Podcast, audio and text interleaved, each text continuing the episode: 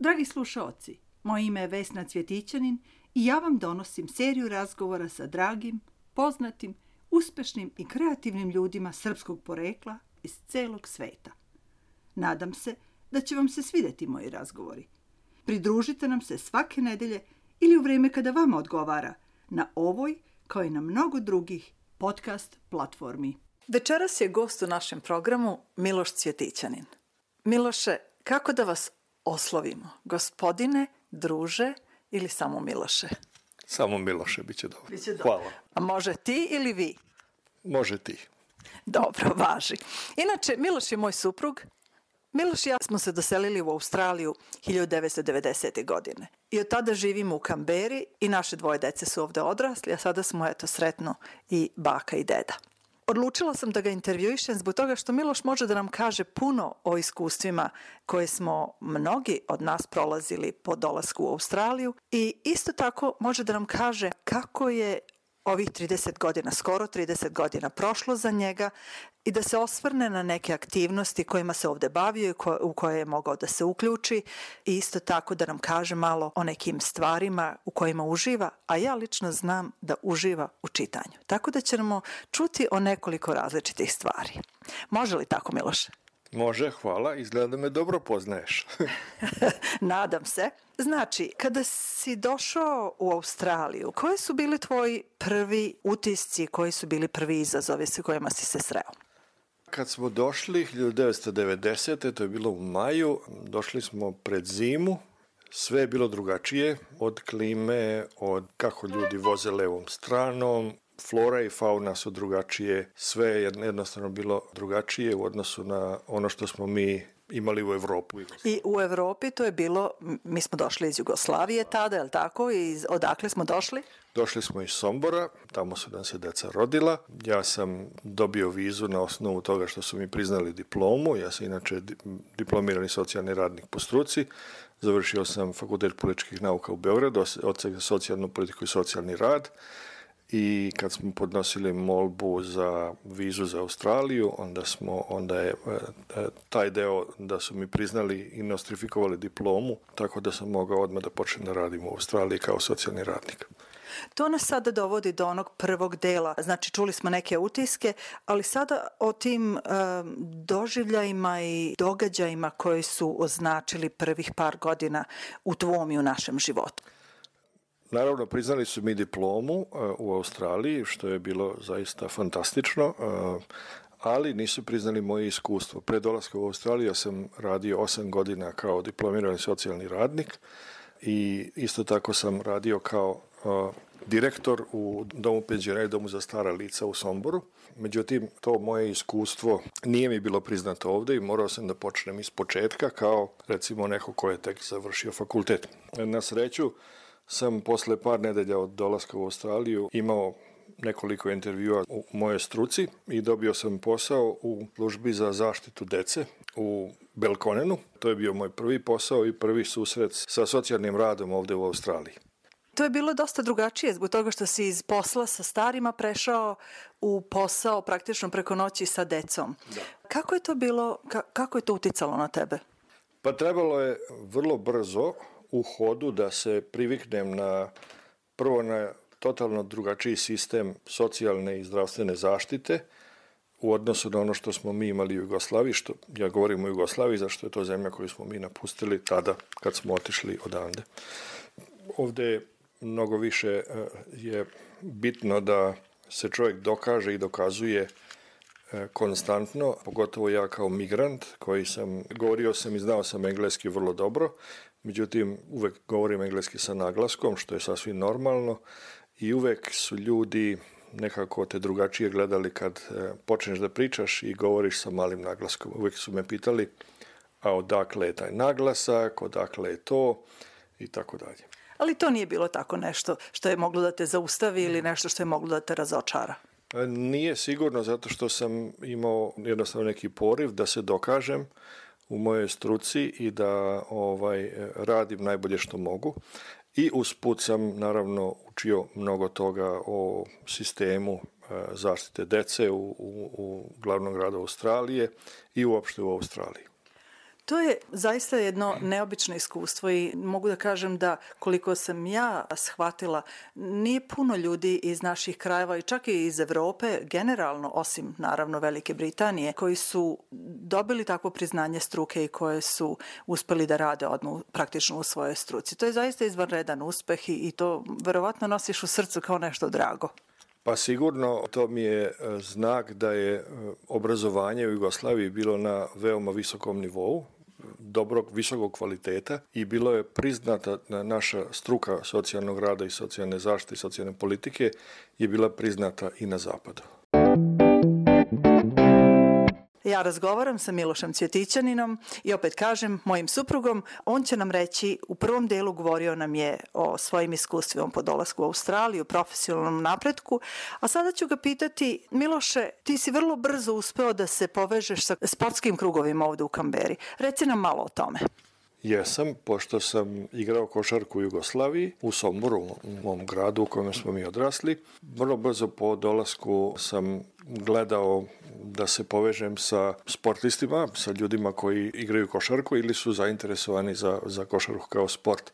Tako da sam uspeo da ovaj nađem jedan tim u kome sam igrao par godina i posle toga smo stvorili jedan novi tim igrali smo u Ligi veterana skoro 20 godina u Kamberi. To je bilo veliko zadovoljstvo i za tebe i za našu decu, a i za mene isto tako da vas posmatram sve kako ste igrali. Samo da se osvrnemo na jedan detalj, to je da si ti, pored toga što si igrao, isto tako se uključio u, u društvo ili udruženje trenera košarke. Ti si trenirao timove mlađih igrača, je li tako? Jeste, u toku tog igranja košarke sa veteranima uključio sam se i u rad trenerske organizacije, odnosno položio sam kurs za trenera i onda sam trenirao nekoliko timova pionira i juniora, među kojima su bili naravno i moj sin Relja i moja čerka Dunja. Oboje su igrali košarku godinama i bilo mi jako drago da sam mogao da doprinesem njihovom razvoju kao dece i kao mladih ljudi time što sam trenirao timove u kojima su oni igrali. I to je sve bilo u isto vreme se dešavalo i ti si igrao i posle često se dešavalo da si posle ostajao da treniraš decu i da prisustuješ njihovim utakmicama, ali tako? Ka, kako je to doprinosilo tvom, tvom životu i boravku u Australiji? Pa to je sigurno doprinalo da se osjećam bolje, da, pripa, da pripadam ovom društvu u, u kome smo odlučili da živimo i da budem deo jednostavno života ne samo naše porodice, nego i deo života mladih ljudi koje sam trenirao i, i koji me često i danas kad se, kad se sretnemo pozdrave i porazgovaramo, oni su sad već i odrasli i roditelji i imaju, neke, imaju svoje porodice i, i rado se sećaju tih dana kad smo kad su igrali košarku kao pioniri i juniori i kad sam im ja bio e, doprinosio malo njihovom razvoju kao trener njihovog tima. I često sam ja bila prisutna kada su ti se javljali momci i, i kada su ti se zahvaljivali za podršku koju su im dao. To je ba, zaista divno.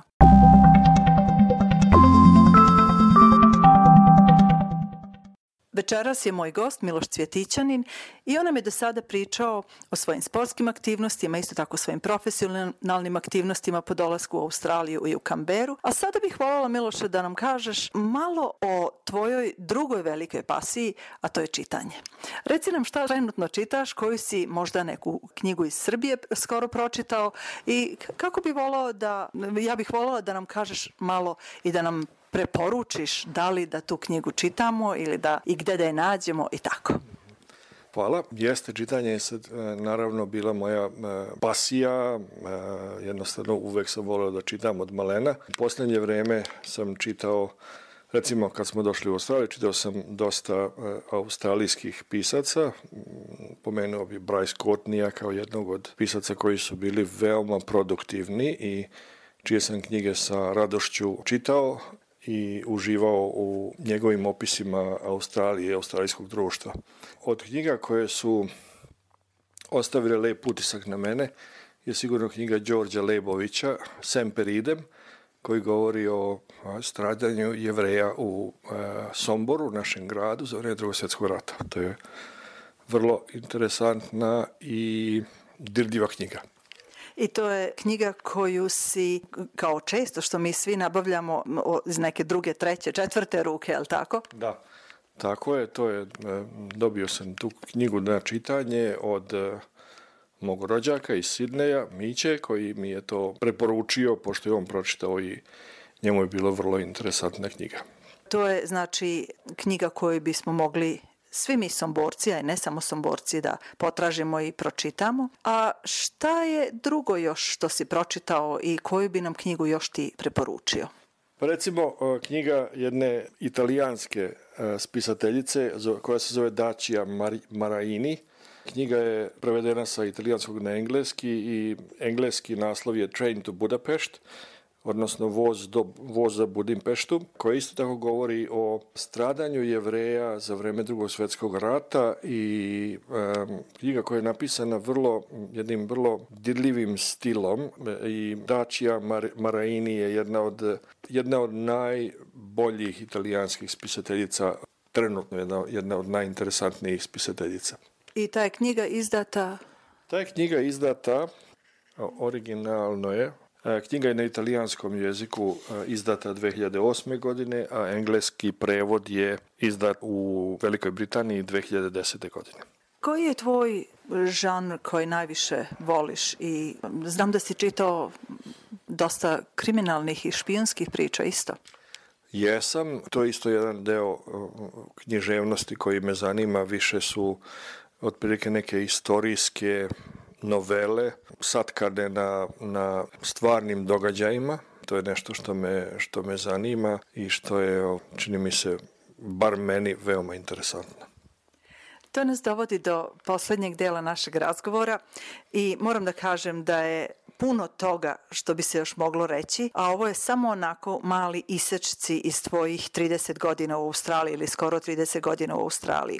Htela bih samo još jednu stvar da te pitam ako bi mogao da, da nam kažeš. E, ti si nedavno a, otišao u penziju, je tako, penzionisao si se, to je, tome je sad jedno 6-7 meseci. Reci nam kako doživljavaš tu novu stvarnost i novo bivstvovanje u Australiji?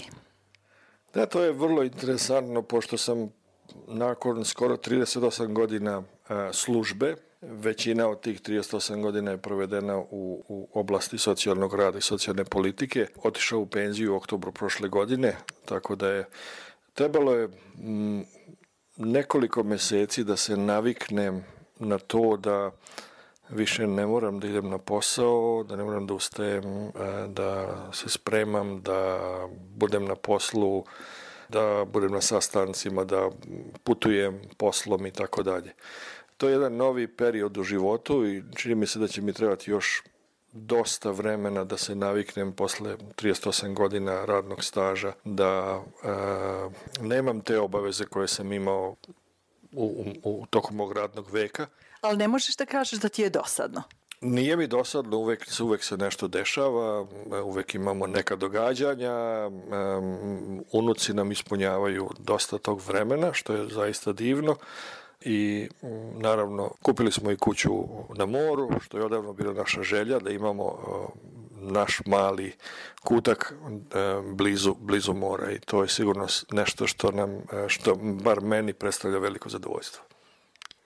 Miloše, puno hvala na vremenu koje si nam posvetio. Bilo je interesantno i meni, iako znam o svemu tome da čujem koji su tebi događaji najviše a, označili ovih proteklih nekoliko decenija, a isto tako ja sam siguran da su naši prijatelji poznanici i drugi ljudi iz naše zajednice uživali u tome da čuju čime se baviš, kako provodiš vreme i kako si doprineo ovde društvu u Kamberi, a isto tako i našoj zajednici. Hvala puno još jednom. Hvala i tebi i želim ti puno sreće sa novim programom na srpskom jeziku. Hvala.